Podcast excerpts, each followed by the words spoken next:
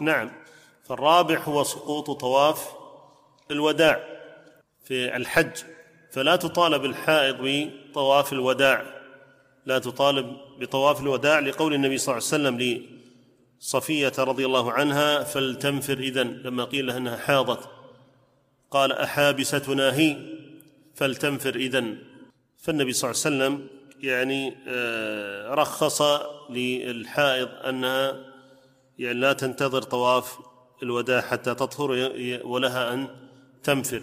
وأما غيرها فيرجع إلى البيت ويطوف طواف الوداع قبل أن ينفر. والله أعلم. نعم.